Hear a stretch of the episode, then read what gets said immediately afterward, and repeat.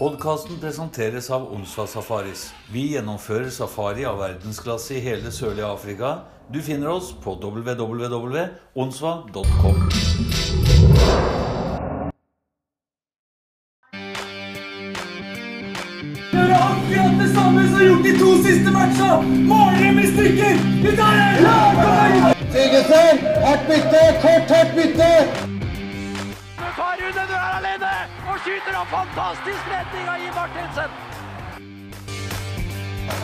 Forbanna kokos. Pucken sklir mellom beina på Jonas Nordgren og i mål. Kenneth Larsen gjør det. Og så er det Vålerenga som leder 1-0.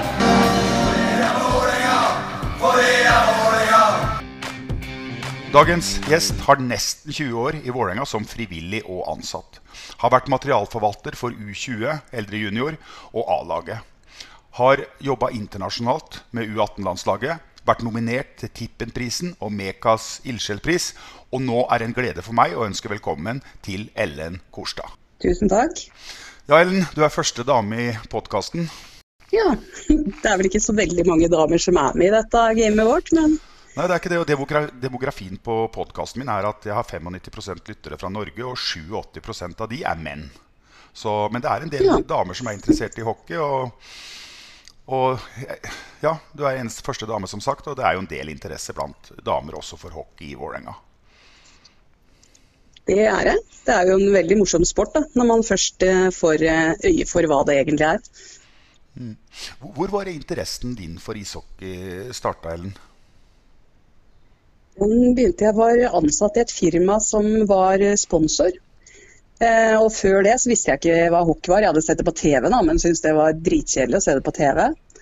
Og så, eh, som sagt, da, det firmaet jeg jobba i, de var sponsorer, og så blei det bestemt at det skulle være damenes aften. Og jeg hadde egentlig ikke tenkt å være med da heller. Men eh, så trengte de, eller alle jentene da, krangla om hvem som skulle kjøre, for alle ville jo drikke. For vi hadde jo losje og vi skulle kose oss ordentlig. Så da tenkte jeg nei, jeg ofrer meg, jeg blir sjåfør. Men eh, det tok jo ikke akkurat mange minuttene da, før jeg var bitt av basillen.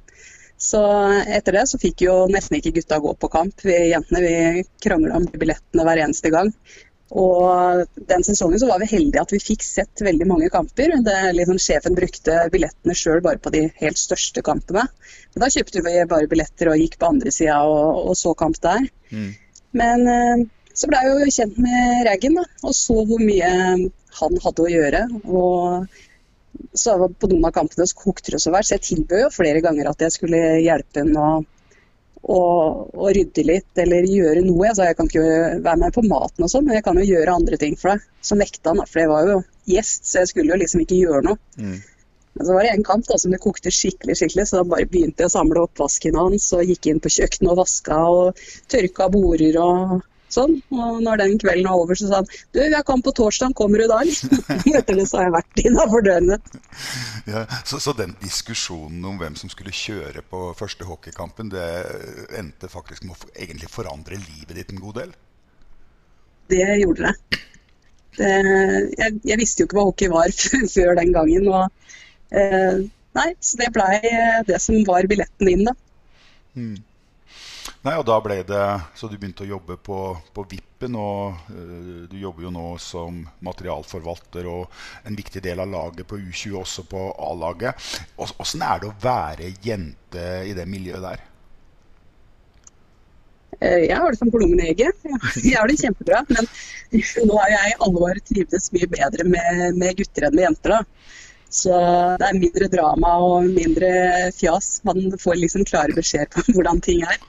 Eh, Men de fleste tror jeg liksom de jeg tror ikke de tenker på at jeg er dame. Jeg, jeg går jo inn i garderoben og alle er kliss nakne, og det er jo ingen som er sjenert eller bryr seg om det. og eh, Jeg har kanskje litt sånn fordel òg, hvis jeg er på bortebane og sånn, så er det lettere kanskje for meg å få hjelp eh, hvis jeg trenger det til noe, da, enn eh, mange av mine mannlige kollegaer, tror jeg. Nei, ja, for, for etter, etter mange mange år så de fleste i Hockey-Norge og på alle stadionene de, de kjenner jo deg og vet hvem du er. Men, men sånn som når du jobba internasjonalt og jobba for landslaget det, det er ikke så vanlig med jenter i hockey. og Var det noen som reagerte på deg da? Ja, de reagerte veldig på det. Fordi vi hadde med Bjørn Fausa, som var laglederen. Og han var i altså, et møte, for du har jo sendt inn navn på alle som skal være med i og rundt laget på forhånd. Og der sto jeg på lista. Og så går de gjennom alle passene da, for å se at det stemmer med den lista man har sendt inn på forhånd.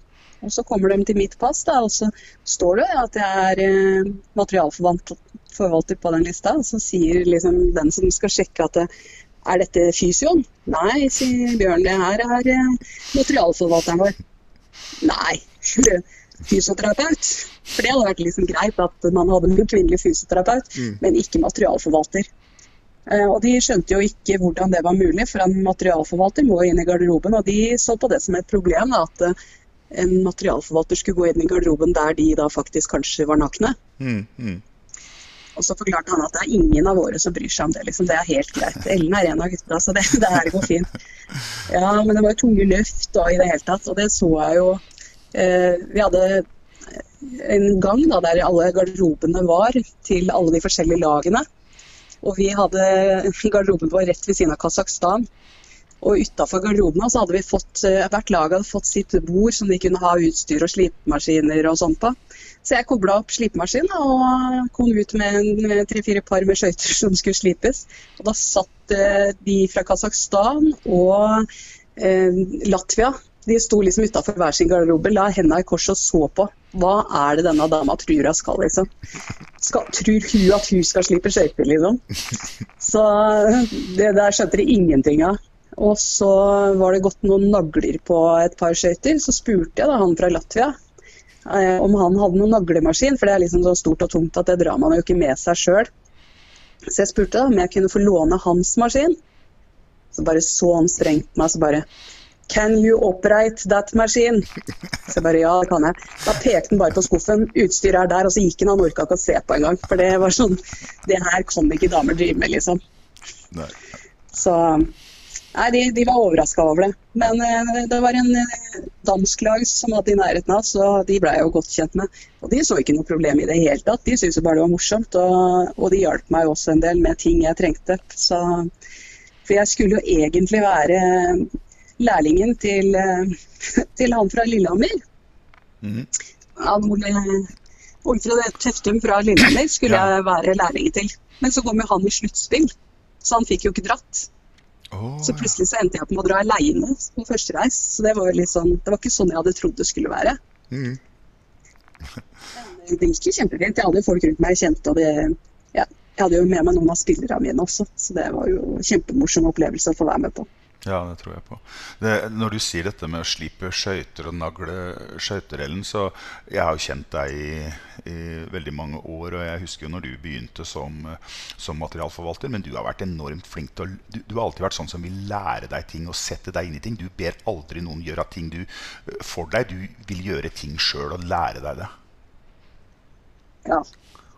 Eh, Det var litt sånn jeg begynte. Så, så var det jo Myggen som eh, kom og spurte meg. Han spurte meg flere ganger, fordi materialforvalteren deres hadde vel blitt litt sånn lei og gått litt sånn mer eller mindre på dagen. Så de var litt sånn uten, eh, uten matris på det som var VIF 2. Så han kom jo han bare Ellen, du er her til alle døgnets tider allikevel. Kan ikke du bare stille opp litt? Så men jeg veit jo ingenting om å være materialforvalter. For på den tida så var jeg jo vakt. Eller sånn vert. Mm. Eh, så sier han ja, men vi trenger bare noe som kan være litt mora deres. Hjelpe dem å holde det litt ryddig. Fylle opp litt vannflasker. Vaske litt klær. Bare, bare være der liksom og være litt mora deres. Så jeg begynte jo Når jeg til slutt sa ja, at eh, jeg, jeg kan prøve. Men jeg, jeg gir ikke ut uka engang, liksom. Jeg, jeg prøver, og hvis det ikke funker, så går jeg bare hjem, liksom. Mm. Men da sa han dette her fikser du fint, det er jeg helt sikker på.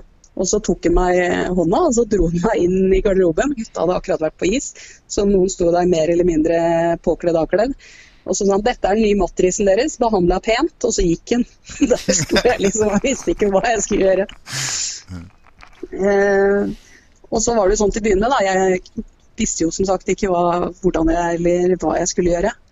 Men jeg var jo heldig at jeg hadde folk rundt meg da, som, eh, som hjalp meg. og Jeg måtte jo liksom opp til A-laget hvis jeg trengte å slipe skøyter. og Sånn. Det var ikke alltid de heller sto på pletten til å kunne hjelpe meg til alle døgnets tider. Så jeg tenkte hvor vanskelig kan det være? Så jeg spurte Roger Martinsen er det, er det kjempevanskelig å lære seg å slipe skøyter. Han bare nei, det er det jo ikke. Og så sånn han på meg, vil du lære? Så sa jeg ja, det hadde jo vært kult å kunne det sjøl, så slipper jeg liksom å mase med det. Han bare OK, da setter vi i gang. Så da fant han fram en maskin til meg, og så fant vi fram sponsorskøyter. Mm. En hel haug av de, for de hadde jo en hel bod av den gangen. Og de blei jo ikke akkurat godt tatt vare på sånn til hverdags. Så da fikk jeg liksom et lass med de, og så viste meg forskjellige innstillinger og hvordan jeg skulle gjøre det. Og så sto han med meg en stund, og så så at det gikk greit. Og så dreiv jeg der og slipte det. Og så kommer han innom en dag og sier han, ja, åssen går det med slipinga? Nei, jeg, det, jeg tror jo det går bra, men jeg får ikke noen tilbakemeldinger på dette, så jeg vet jo åssen det er å gå på ute på isen. Da gikk han inn til eh, trenerne som, eh, som satt og gjorde seg klar til å gå på is. Da. Så sier han Ellen trenger tilbakemelding på slip. Kan man få slipe skøytene deres? Og begge to ja, bare ja, ja, selvfølgelig så kunne jeg få gjøre det. Så til neste dag da, så sto jeg og slipte, og jeg var dritredd at de ikke skulle bli skarpe nok, så jeg slipte og slipte og slipte. Og slipte. Og så ser jeg han ene hopper ut på isen, isporten, og så skulle jeg over til eh, boksen. Og, og han gikk i rett linje, rett over fra isporten og rett over til boksen. Og så åpna han, og så sto han og tok i skøyta og dro på den der kanten ved boksen. Og jeg står og bare Å nei, å nei. De blei så dårlige, liksom. Men det var ikke det, de var jo så skarpe at han satt fast i isen. Så han måtte liksom få dratt av for at han skulle klare å svinge. Og så prøvde jeg meg da på skøytene på laget.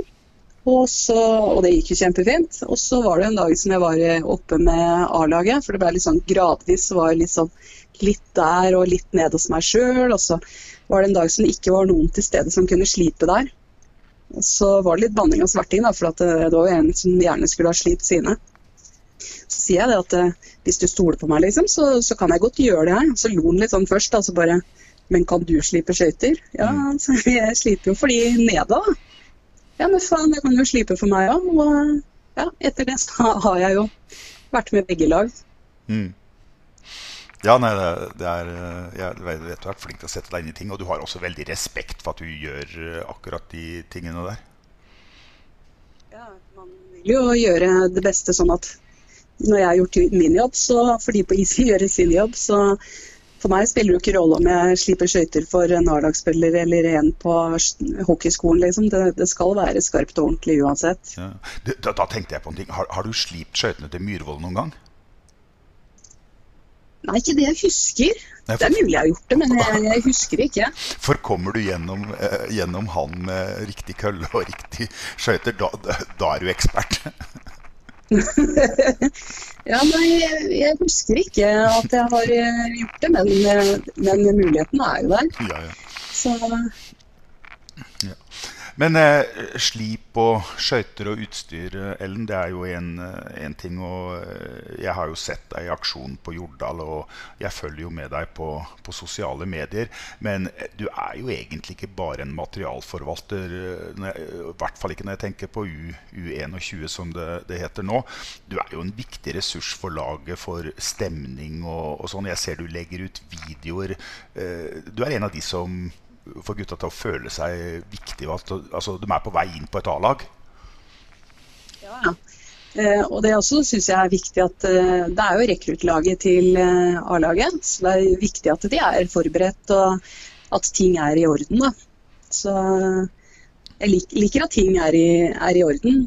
Eh, og så er det jo litt sånn man blir jo Man er jo så mange timer sammen, så man blir jo litt sånn familiemedlem eller noen har jo vært litt sånn reservemamma til, og noen har man litt sånn psykolog for. Og, en, ja, de, de kommer jo til meg med veldig mye som jeg tror kanskje de ikke kommer til foreldrene sine med. Nei, Og som det kanskje er lettere å komme til ei dame med enn en mann, for å være helt ærlig. Ja, ja. Ja, nei, det, mange, mange har man jo et veldig, veldig nært forhold til. Som sagt, fordi man, man er så mange timer sammen i løpet av eh, i hvert fall av vinteren. da. Så er man jo sammen så mye. Man eh, reiser på matcher sammen, og man har jo treningshverdagen sammen, som kanskje er den viktigste av alt. Eh, Så vi, vi prøver å ha det litt hyggelig, så innimellom så så lager man, har man en liten pølsefest, eller i hvert fall når jeg har bursdag. Da har jeg jo som tradisjon at da er det barnebursdag, da er det liksom pølse og is og sånn. Det har ikke blitt det i år, men det er liksom tradisjon. Når, når Ellen har bursdag, da er det pølsefest. Mm, ja, det blir et slags rituale. Og så er du jo også flink til å Du lager jo spillerprofiler og presenterer de på sosiale medier og sånn, og jeg syns jo det er jævlig bra. Ja, Nei, jeg tenker det er litt, eh, litt viktig at folk veit hvem vi er også. Eh, og vi har jo noen supportere som er eh, veldig flinke til å komme på våre kamper og følge opp og, og dele der også. Men, eh, men, det at folk har et ansikt, det gjør at det blir litt mer eh, interesse for det laget også. At Man vet hvem som er der. Og, og når de da kommer en tur opp på A-laget, så er det liksom Å ja, ja, nei, nå er det han fra U21, nå får han lov til å prøve seg i dag. Og de har fulgt med litt hvordan de gjør det. og eh, at vi deler litt av hverdagen vår òg. Sånn som nå når vi da har vært ute og trent, så har jeg liksom filma de når de er på Frogner stadion i plaskende regnvær og likevel trener og er eh, positive. Liksom. Så, så, fortjener folk å se den hverdagen. Da. At uh, det her er ikke bare en dans på roser. Man møter ikke opp til kamp bare, og så er det hverdagen vår, liksom. Mm, mm. Nei, og, og hvor, hva er de yngste spillerne du, du, har med å gjøre? Det er helt ned til 16-årsalderen. Du kan risikere å få de inn i din stall og din tropp?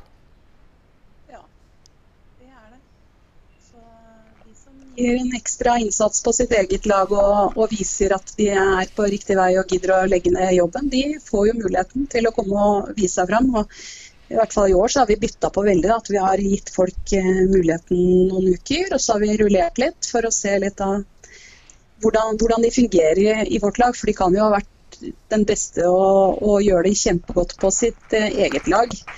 Eh, uten at det betyr at de er klare for steget opp til oss ennå. Men eh, vi har hatt mange inne som får prøve seg, og vi har rullert litt på det. Så det er, det er veldig hyggelig å se eh, at det gror godt nedover også. Mm.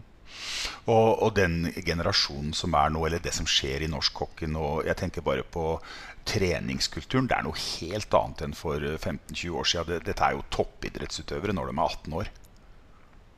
Det er det. Eh, gutta går jo, mange av dem går jo på Vang toppidrett. sånn at de har jo, mange av de har jo økter på morgenen før de, kommer, eh, før de skal på skolen.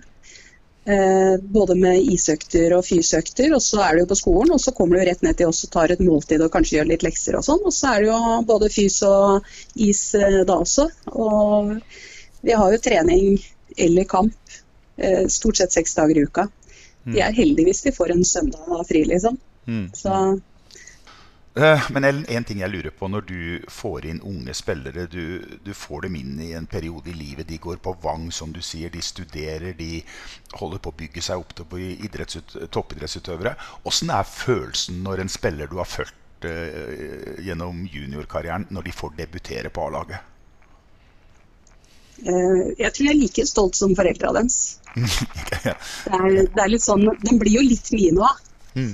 Sånn at uh, at med en gang de får prøve seg på A-lag, og særlig når de gjør det bra Jeg følger jo med på istiden deres. Får de noen ute på isen i dag? Eh, når de skårer mål og sånn. Jeg, jeg, er kjempestolt av det. Så, ja, og det er jo noe man får nærere forhold til og, og sånn enn andre også. Men eh, ja, nei, jeg er like stolt som foreldrene, tror jeg. Hmm. Ja, for, for du, føler, du, føler, at du er en del av det produktet som da entrer, entrer A-lag, og det er selvfølgelig med rette? Ja, de er jo litt mine. Mm, ja, ja. Eh, det, det, er jo unga mine. Mm. Ikke alle er like glad for at jeg kaller det kanskje, men, eh, men, eh, de er litt mine, og jeg tar litt eierskap i. Ja, ja, ja. ja. Skal bare mangle. Men du jobber også en del med, med, med A-laget og, og, stepper inn der av og til. Hvordan syns du det er? Nei, Det er jo kjempespennende å få være med de også. Mm. Men uh, U21 er det faktisk det som er mest spennende. Men uh, men jeg har vært heldig å få være med A-laget både på utenlandsturer og, og i sluttspill. og eh, Litt i hverdagen og sånn også. Eh, nå har det vært dårligere med det i år. Nå er det jo denne koronaen som setter stopper for det meste. Så nå er det liksom man begrenser hvor mange som er med og hvor mange man har ut og inn. Mm. Så akkurat i år har jeg ikke vært med så mye, men tidligere så, så har jeg jo sjonglert mellom de to lagene og nesten hatt kamper eh, ja, hver dag omtrent, fordi man er med det ene laget, og så er man hjemme og sliper og gjør klart til neste, neste lag sine kamper. Mm. Så nei, det er kjempemorsomt å være en del av det også. Det, mye fine folk. Ja, mye fine folk. Og, og, de, og delen å være i en A-lagsgarderobe i en viktig sluttspillkamp og kjenne den en, en intensiteten og den spenningen, det er en bra følelse. Det er det. Det er, sluttspill er jo det beste som er. Da er eh, det er nerver, og det er eh, adrenalin, og det er eh, full action hele tida. Fra, fra man kommer og til man går hjem, egentlig. Så det er kjempespennende. Men Ellen, du har også vært på andre internasjonale oppdrag med A-laget Champions Hockey League og Dolomittene Cup. Kan ikke du si litt om det? Det var jo kjempemorsomt å bli spurt om å få være med på de, fordi å ta med laget utenlandsk og møte ja, utenlandske klubber og lag er jo kjempespennende. Det er litt sånn avbrekk i hverdagen og ikke det derre samme som å reise til Hamar fem ganger i løpet av en sesong, eller eh, alle de tingene. Man kommer seg ut og ser og opplever litt nye ting. Eh, og Det som var litt spennende et år, da når vi skulle til Sveits og Østerrike, for da blei det som en sånn sammen, ja, en tur som gikk sammenhengende. Så vi fløy da ned, og så hadde kamper da først i Sveits. Og så skulle vi videre til Østerrike etterpå. Da blei det leid en eh, bil som eh, vi matrisene kjørte sammen. Og det var jo da Roar Holmen og David Gibbons som eh, sammen med meg kjørte mellom de to arenaene med alt lagutstyr og sånn. Og laget de tok tog. Mm. Eh, så det var jo kjempemorsom tur, da. Det, Roar er jo Roar og har masse bra historier og sånn å komme med. Og han har jo colaen sin med seg, så han hadde kjølebag. Vi kjørte, vi kjørte og det var liksom maisåker etter maisåker etter maisåker. Og var, vi hadde jo gleda oss, for vi skulle jo ja, se all den fine naturen. Og så var det mye tunneler og mye maisåkner som vi fikk se. Men han sitter jo og jekker colaen sin. Altså, det var jo under Iskrigerne-innfilming. Så jeg hadde jo fått med meg kamera, så jeg skulle få meg litt av turen. Eh, og du hører liksom på opptakene. Roar jekker eh, colaen sin, og så har du David Gimmen som eh, ikke var så for den der colaen, men han eh, hadde banning. Så, så, det var fuck og faen for annethvert ord han sa. Så det var en interessant tur. Eh, A-laget fant ut at de skulle tulle med oss og si at, eh, at det var blitt noe tull med toget, så de fikk ikke toget likevel. Så de måtte fly og komme seg over på en flyplass og sånn, mente de. Så de skulle ha Roar til å ringe til den andre arenaen og fortelle at vi ikke fikk tatt den istida vi skulle hatt. Så han måtte ordne opp, og du vet han er kanskje ikke så god i engelsk at han har lyst til å ringe til en annen klubb og, og gjøre om istider og sånn. Så vi, vi ble nesten litt lurt der, men så begynte han da. Ja, nei, de hadde ikke tatt det så rolig, for da var Svenna med, og han hadde flyskrekk. og Det var flere med flyskrekk, så han trodde ikke helt på det. Men det var en kjempetur og en kjempeopplevelse å få være med på. Det, det var jo en del supportere og sånn som var nedover også, så man møtte, og det, det var kjempestemning. Eh, nå, nå, husker jeg ikke helt året det var, men eh, i fjor så fikk vi jo invitasjon til å være med på Dolomitten i cup. Mm. Eh, og det er en sånn som du ikke Det er ikke sånn den beste i landet eller sånn som får være med der. Du blir invitert. Eh, og det var det tror jeg den beste turen jeg har vært på noen gang med Vålerenga. Er bra organisert og fantastisk natur og bra lag som spilte mot hverandre. og i det hele tatt. Så det var en kjempetur. Da også fløy vi ned til eh, München og så fikk vi da buss som kjørte oss gjennom Tyskland og Østerrike og ned til Newmarkt i nærheten av Bolzano i Italia. Mm.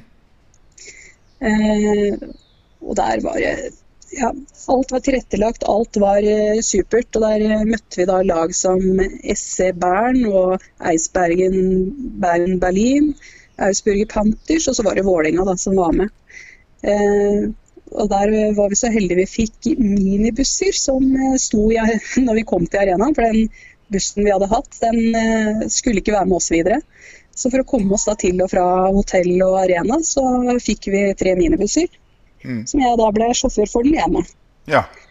Nå har jeg, ikke noen minibusslapper, men jeg tror ikke de brød seg så mye om det i Italia. Det var bare å ut og kjøre. nei, nei. Så, så, så, der var det kjempefint opplegg og positive folk og kjempebra. Og der fikk vi også litt tid til litt sightseeing, så vi fikk sett litt uh, det som var rundt der. Store vingårder og ja, mye bra natur og, og kjempetur som jeg håper at uh, Vålerenga får uh, oppleve igjen. Ja, ja. Nei, jeg, jeg, jeg har sjøl vært i Dolomittene. Jeg var på ishockey-VM i 1987, faktisk, i Kanasai. Det er, det, det er jo fantastisk natur. Der, er, der var det ikke mye maisåkre. Nei, det var det ikke. Her var det majestetiske fjell. Jeg trodde liksom Når du kommer fra Norge, så har du sett fjell, liksom. Men jeg ble helt eh, tatt pusten av. Det, det var så fantastisk. Det, kjempefine fjellkjeder og eh, Ja, nei, det var helt fantastisk. Det er eh, sånne steder man skulle vært og spilt flere kamper. vet du. Det er det absolutt. Det, det, det er som sagt, jeg håper at eh, laget får komme tilbake dit. og Roy også sa det at eh, neste, neste gang vi skal hit, da tar vi flere dager, liksom. For nå kom vi jo ned og hadde et par dager med trening først, men han da må vi reise ned og ha bedre tid til å, til å, å få mer ut av turen. Da. Så nei, det var kjempebra opplegg eh, og en kjempeopplevelse. Beste turen jeg har vært på med laget. Ja, nei, det er, eh, det er fantastisk. Jeg har lyst til å snakke litt med deg om en annen ting, eh, Ellen. For du kjenner jo det miljøet like eller bedre enn en mange andre. Og det er eh, dette fantastiske miljøet blant frivillige og deltidsansatte. Og egentlig alle som er en del av Jordal-miljøet. Det er en fantastisk gjeng. Det er kjempegjeng. Ja, jeg vet ikke helt hva jeg skal si, men, men hadde jo ikke de gjort den jobben de gjør, så hadde det vært vanskelig å få gjennomført kamper.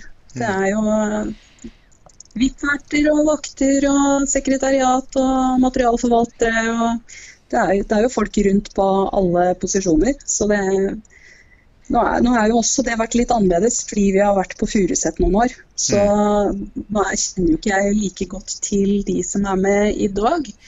Fordi ting har jo vært annerledes der oppe, og jeg har vært matris og ikke rekt og vært i den gjengen som er. Men eh, den gjengen som var på Jordal, er det jo fortsatt fryktelig mange som er eh, med og engasjerte og hjelper til.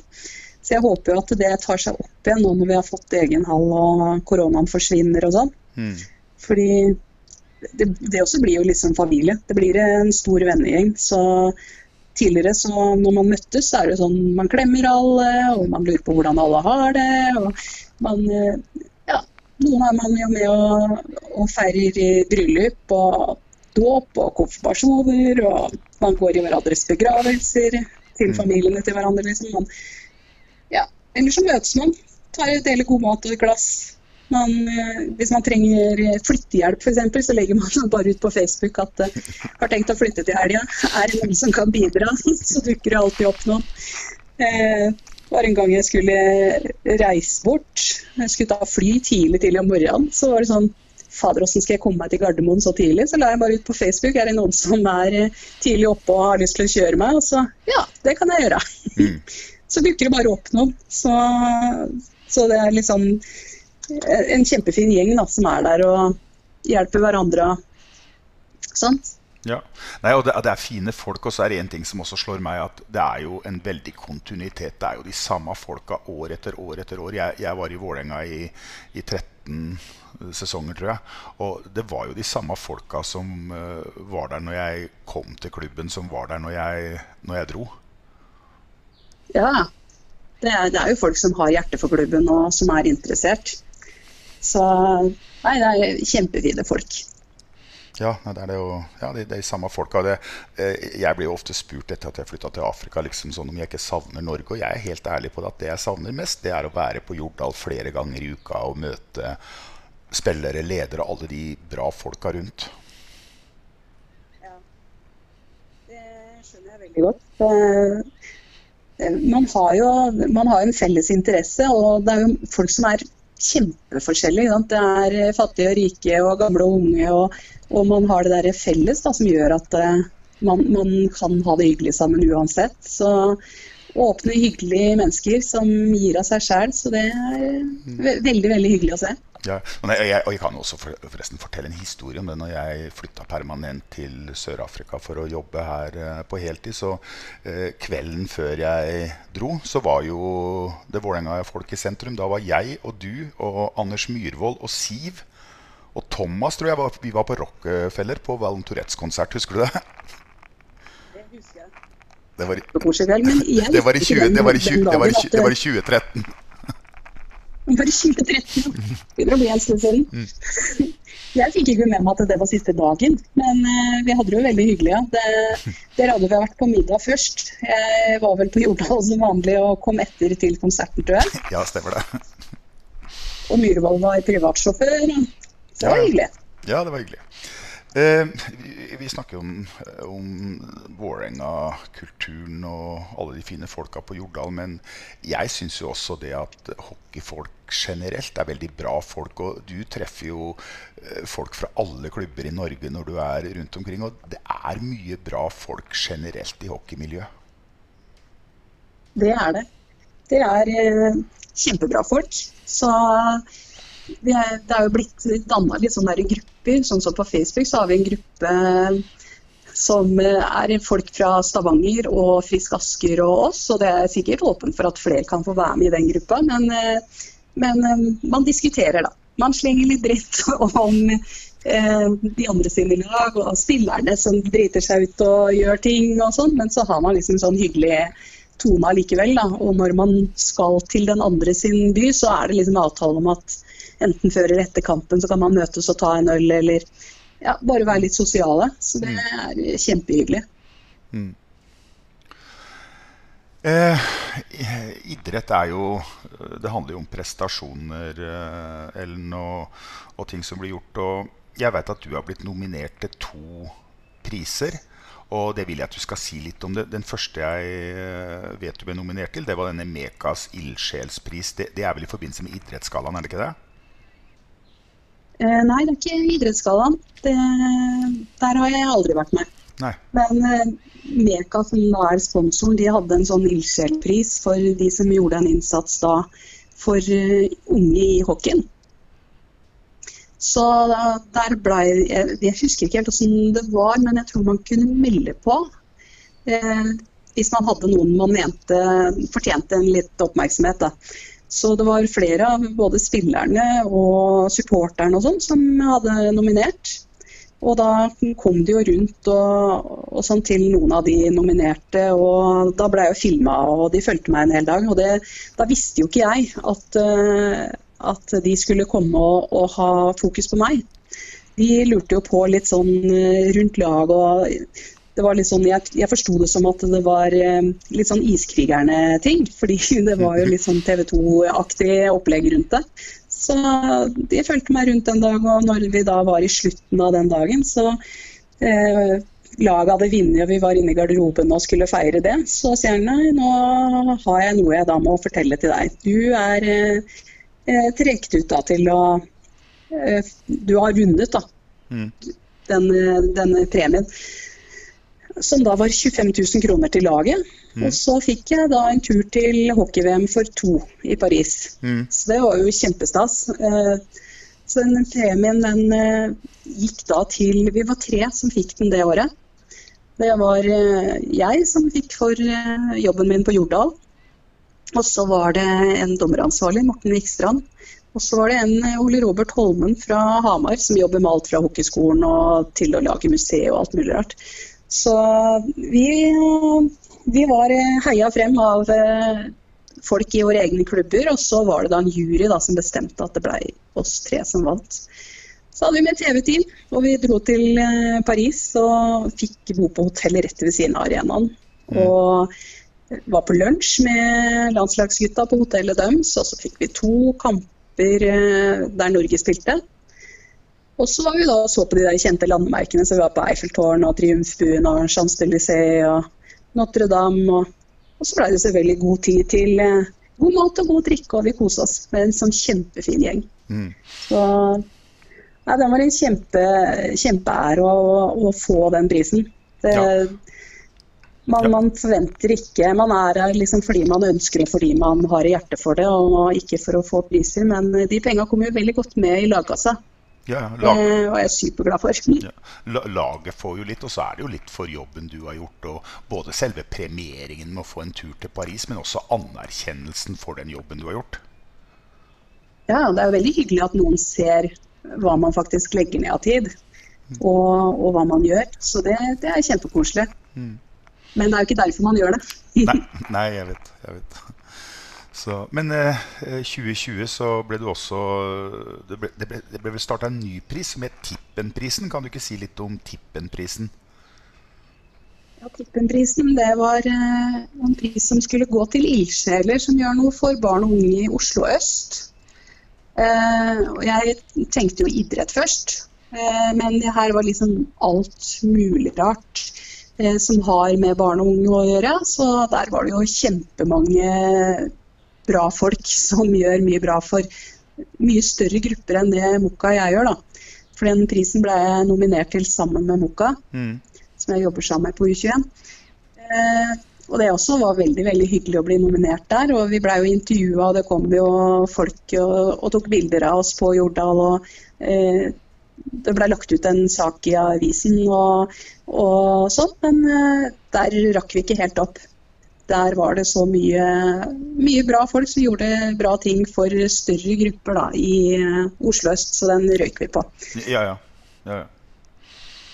Men man har jo fortsatt, man har jo fortsatt fått den eh, at folk har lagt merke til deg og, og nominert deg, så det er jo kjempe, kjempehyggelig.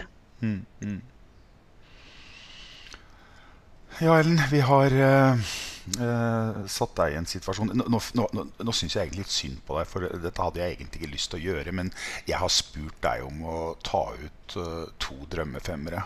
Én med Vålerenga-spillere gjennom tidene som du har fulgt, A-lagsspillere, og én av de gutta som du har fått videre fra U21 og opp.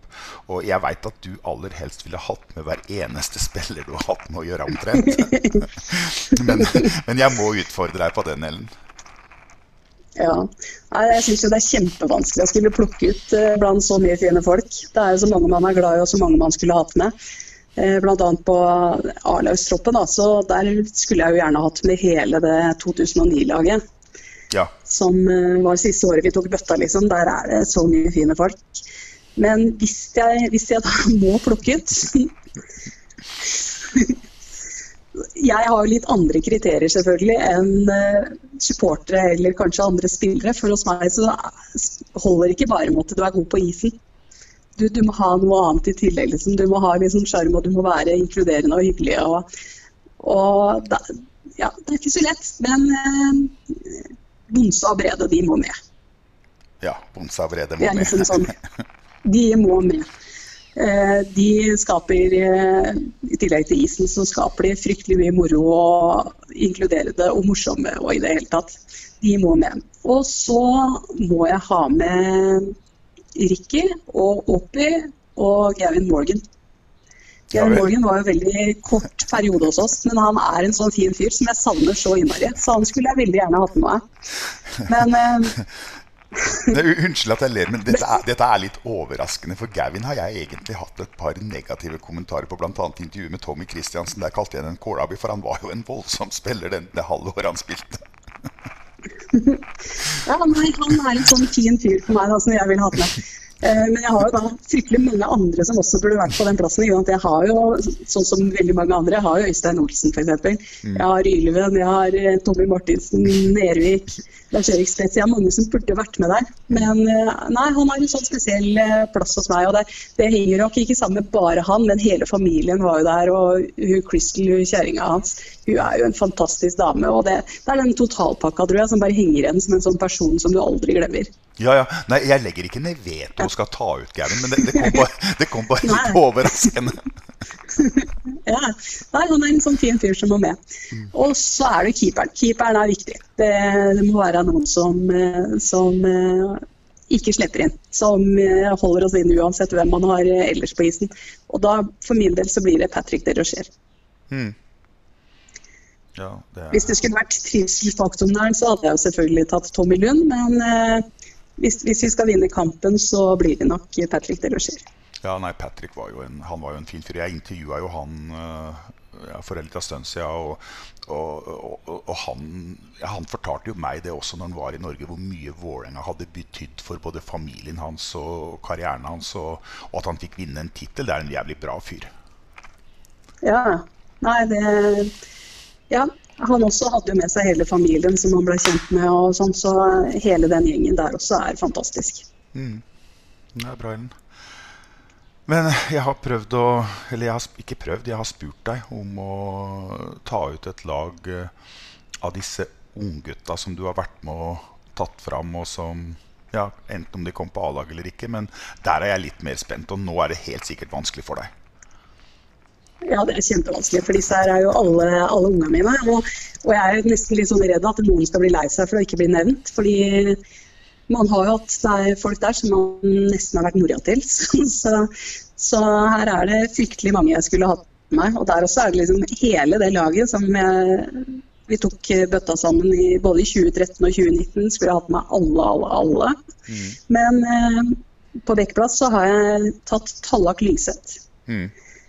Og Linus Juel. Mm. Vi, vi må ha med Paint Rain. Han eh, er en kjempefet fyr eh, utenfor isen, men han var sånn nesten som jeg ble redd når han tok på sånn der kamptrynet sitt. Så da er det sånn Man, man kødder ikke med han. Ja. Og Tallak, Tallak gjorde seg jo bemerka på alle måter uh,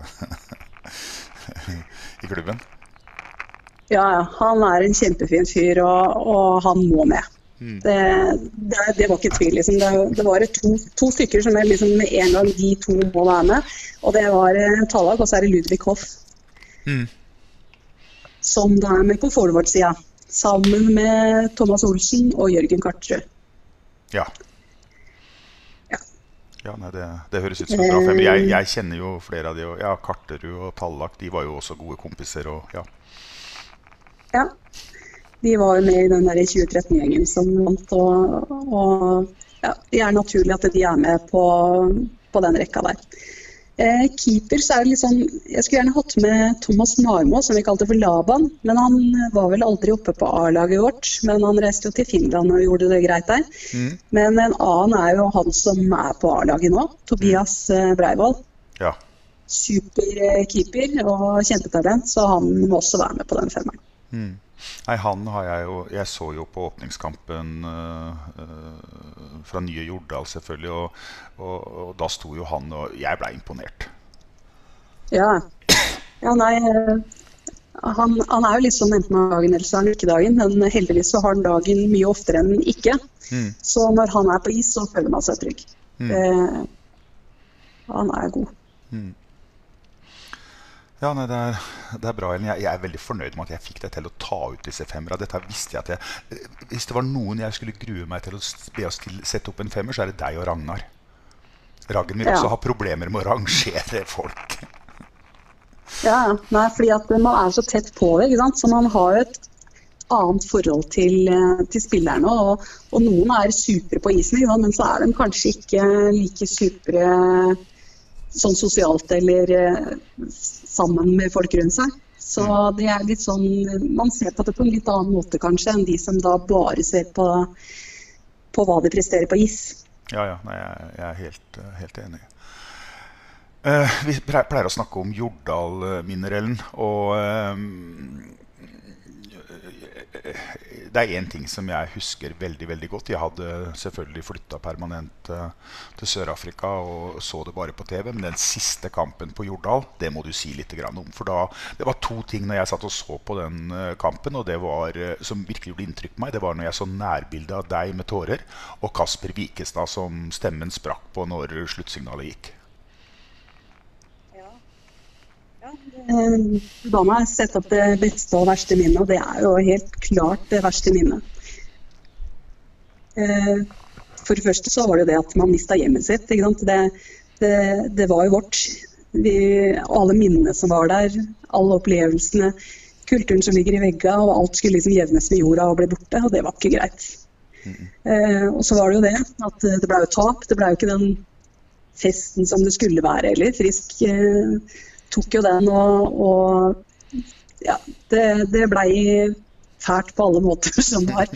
Så nei, det, det var den verste, det er det verste minnet fra, fra Jordal. Det, det er fryktelig mange bra minner der, men eh, og hvis man tenker gjennom alle kamper og sånn, så har det vært fæle ting eh, når man har tapt i finaler og i, det, i det hele tatt. Men den siste dagen, og så mye følelser Det er liksom det var ståpels på hele gjengen, tror jeg. Det, folk gråt åpentlig, man holdt rundt hverandre. Man ja, man visste at det her, eh, nå er det slutten.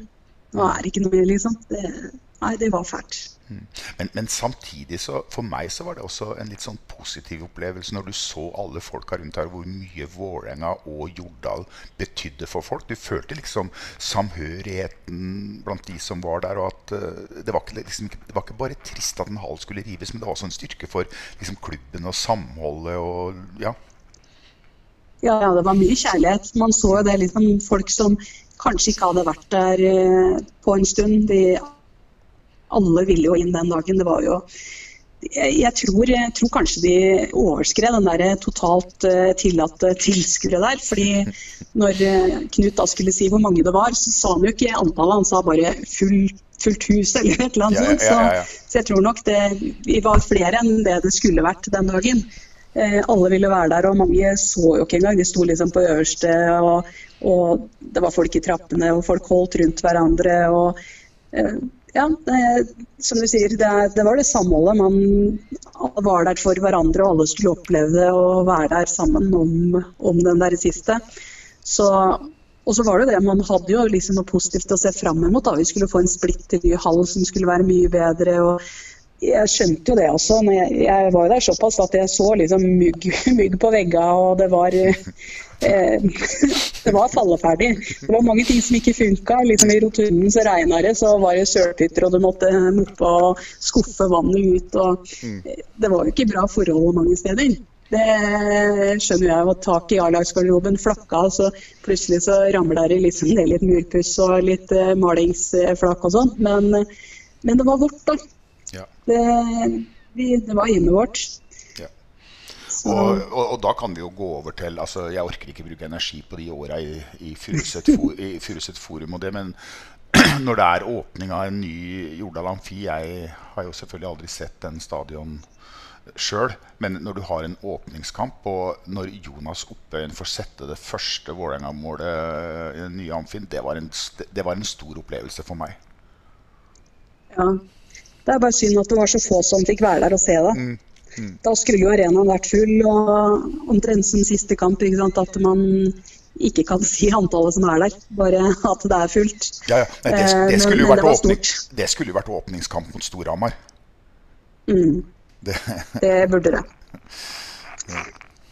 så. Nei, Du har noe å se fram mot å komme og få se den nye arenaen. Den er eh, superflott. Så Ja, så snart vi har lov å, å reise, så, så kommer jeg. Men eh, gode minner fra Jordal-Eilen. Du har jo hatt mange store øyeblikk på Jordal. Jeg har jo stått sammen med deg på Jordal og sett eh, NM-finaler bli avgjort og andre viktige kamper. Og det er masse gode minner på Jordal. det er det. Eh, Det er mange gode minner fra hverdagen, liksom. Man, eh, spillere som er innom og man, eh, man har det fryktelig hyggelig eh, til hverdags. Og så er det jo disse julebordene våre som er veldig hyggelige. Og bøttefester og i det hele tatt, som er veldig sosialt og veldig hyggelig. Men for meg så må jeg nok dra fram den bøtta i 2009. Da jobba jeg jo som kokk der, og, og det var jo veldig spesielt å være så nært inn på laget. Da ikke som materialforvalter, men som kokk. Eh, og det, nei, det, var, eh, det var kjempefantastisk. Jeg, had- vi hadde jo vært i Sarpsborg bare, bare dagen før, eller bare to dager før. Det, og jeg var jo skråsikker den dagen at de skulle ta det i Sarpsborg. Helt overbevist om at de skulle ta det der. Og så tapte de kampen. Og jeg var så skuffa. Sånn, jeg, jeg følte nesten at de gjorde det mot meg personlig. Bare sånn Gud, jeg er ikke glad i deg. jeg hadde ikke planlagt noen ting. Jeg hadde ikke handla inn mat til neste kamp. Jeg hadde ikke handla inn kaker, jeg hadde ikke vaska losjer, jeg hadde ikke gjort noen ting. Fordi jeg var helt sikker på at de skulle ta det i Sarpsborg. Så det var jo bare, etter å ha reist fra Sarpsborg, så var det bare å reise til Jordal og begynne å vaske og rydde og fylle opp losjer og i det hele tatt. Og jeg husker, Siden jeg da ikke hadde mat, så måtte jeg snakke med Jan Tore Kjær og si at vi har ingenting. Vi har ingenting i skapene, vi har ikke noe å lage mat av. Så han tok kontakt med Ops på Løren, som den gangen var sponsor. Så jeg kom inn på en søndag og tok med meg to handlekurver og bare gikk bananas inne på Ops. Og, og fylte bilen med alt fra mat og kaker og alt jeg måtte trenge til eh, den kampen, og ned på Jordal igjen. Eh, og hadde da fine folk rundt meg som kom og, og hjalp meg, sånn at vi, vi rakk å bli ferdig til siste sluttspillmatch. Og nei, det, den stemninga som det er i sluttspill òg. Der også er det liksom den der kjærligheten både for klubben og for hverandre. Og, og da den deilige når de da endelig tok det. Og, og vant den dagen da. Det, ja, det Ja. var en fantastisk dag. Ja, nei, den, eh, den eh, siste, siste kampen på Jordal Først var jeg glad for at det, det ble avgjort på Jordal og ikke i jævla Sarpsborg. Eh, Jo jo, i etterkant kan jeg jo se det, ja. Men men, men så var det jo veldig mye nerver, husker jeg. Regan Kelly var skada. Kenneth Larsen måtte spille back. eh, Det hadde vært tøffe oppgjør. Eh, Jeg følte meg ikke sikker på at vi skulle ta den bøtta. Nei, eh, den dagen gjorde jo ikke jeg det heller. Men når vi var i Sarpsborg, da var jeg jo sikker på at de skulle ta det da. Men det er jo mye hyggeligere å få ta den hjemme, selvfølgelig. Eh, og du nevner Regan Kelly. Han eh, burde jo også vært med blant en av disse femmerne mine. Men han husker jeg på den sluttspillet. Han gikk nede i rotunden og tråkka, og han var ute og kasta opp fordi han, det var så mye nerver. Og han eh, syntes det var så fælt å ikke få være på isen og, og bidra. Så han var jo fysisk sjuk av, av å ikke få, få spilt den kampen. Så nei, det er mye følelser for, eh, for alle. Men eh, da etterpå eh, Da var det fest. Ja, det er eh, Jeg har snakka med altså, Og så altså, altså var det jo moro at Kenneth fikk bli matchvinner. Det, var, altså, det ble 1-0 i siste finalekampen, og Kenneth fikk uh, uh, avgjøre som egentlig hadde hatt et dårlig sluttspill. Og jeg og Kenneth snakker jo om det nå, at det NM-gullet er jo det som har blitt hardest feira i Vålerengas historie. Ja, Det var, det var to uker. ja det, det var noen dager det nesten ikke gikk an å snakke med de gutta, tror jeg. Det, jeg møtte dem, liksom, og da var det noen som hadde holdt det gående for tre dager når jeg snakka med dem. Så det, nei, det, var, det var bra fest. Det, begynte jo allerede den samme kvelden. Liksom. Jeg, eh, det var noen damer som kom og ikke hadde turt å sende med gutta sine dresser engang. Så bl.a. Brede sin kom jo levert, og Ellen kan ikke du gå opp i garderoben med den? Så jeg, nei, jeg kan ikke gå opp dit, for da var jo ikke jeg vant til å tråkke der oppe. Jo, jo, sier Monica, du, du må gå opp med dressen, da, ellers har ikke han freden å ha på seg. Der var jo full fest, og det var ja, god, god stemning når man kom opp der. Ja. Så var vi jo ute på byen etterpå. Vi var innom eh, Bohemen og vi var eh, rundt hele greia før vi kom til lagmiddagen og, og festen etterpå. Ja, nei, det var, eh, det var fantastiske tider. Og det er, men nå, Ellen, nå er det elleve år siden Vålerenga har tatt eh, et NM-gull. Nå er det snart på tide. Det er på høy tid. Jeg har jo alle disse årstallene tatovert inn på beina. Jeg har god plass til eh, noen til, altså, så det er bare å kjøre på og levere. Ja, ja, ja, hvis det står på plass, så skal jeg hjelpe å rydde plass hvis, for å få plass til de årstallene. Altså. Det, det, ikke, ikke, ikke, vær, ikke vær bekymra for delen. Vi, vi, kan- vi, vi, kan ta, vi, kan ta 26 bøtter til. Ja, ja. Ikke noe problem. Så nei, det er på høy tid. Det hadde vært eh, moro det om man eh, kunne fått til nå allerede første sesongen i ny hall. Men nå er det spørs om vi får noe sluttspill i år. Sånn det ser ut nå, så kan det jo være litt skummelt med, med denne koronaen. Men eh, jeg krysser alt jeg har for at vi får kjøre ferdig, og så at gutta leverer. De begynte jo veldig, veldig bra. Så eh, ja, det er lov å håpe. Ja, det er lov å håpe. Og det gjør vi, Ellen. Nå ønsker vi hverandre lykke til. Det har vært superhyggelig å øh, prate med deg øh, igjen. Og så snart det er mulighet for å komme til Norge, så kommer jeg, og da ses vi på nye Jordal. Det gleder jeg meg til. Jeg gleder meg til å vise deg den nye hallen og endelig få møte deg. Det er lenge siden sist, så Det det, blir siden. veldig hyggelig. Ja. Nei, tusen, tusen takk skal du ha for at du stilte opp, Ellen, og vi prates. Det gjør vi. Prøve å karakterisere Vålerenga som klubb. fantastisk klubb. Jeg kjenner en stolthet og bland for å få bli kapten her på laget og vært her nå i seks sesonger. så Vålerenga har en vinnarkultur som jeg ikke har sett på noen andre steder det har varit.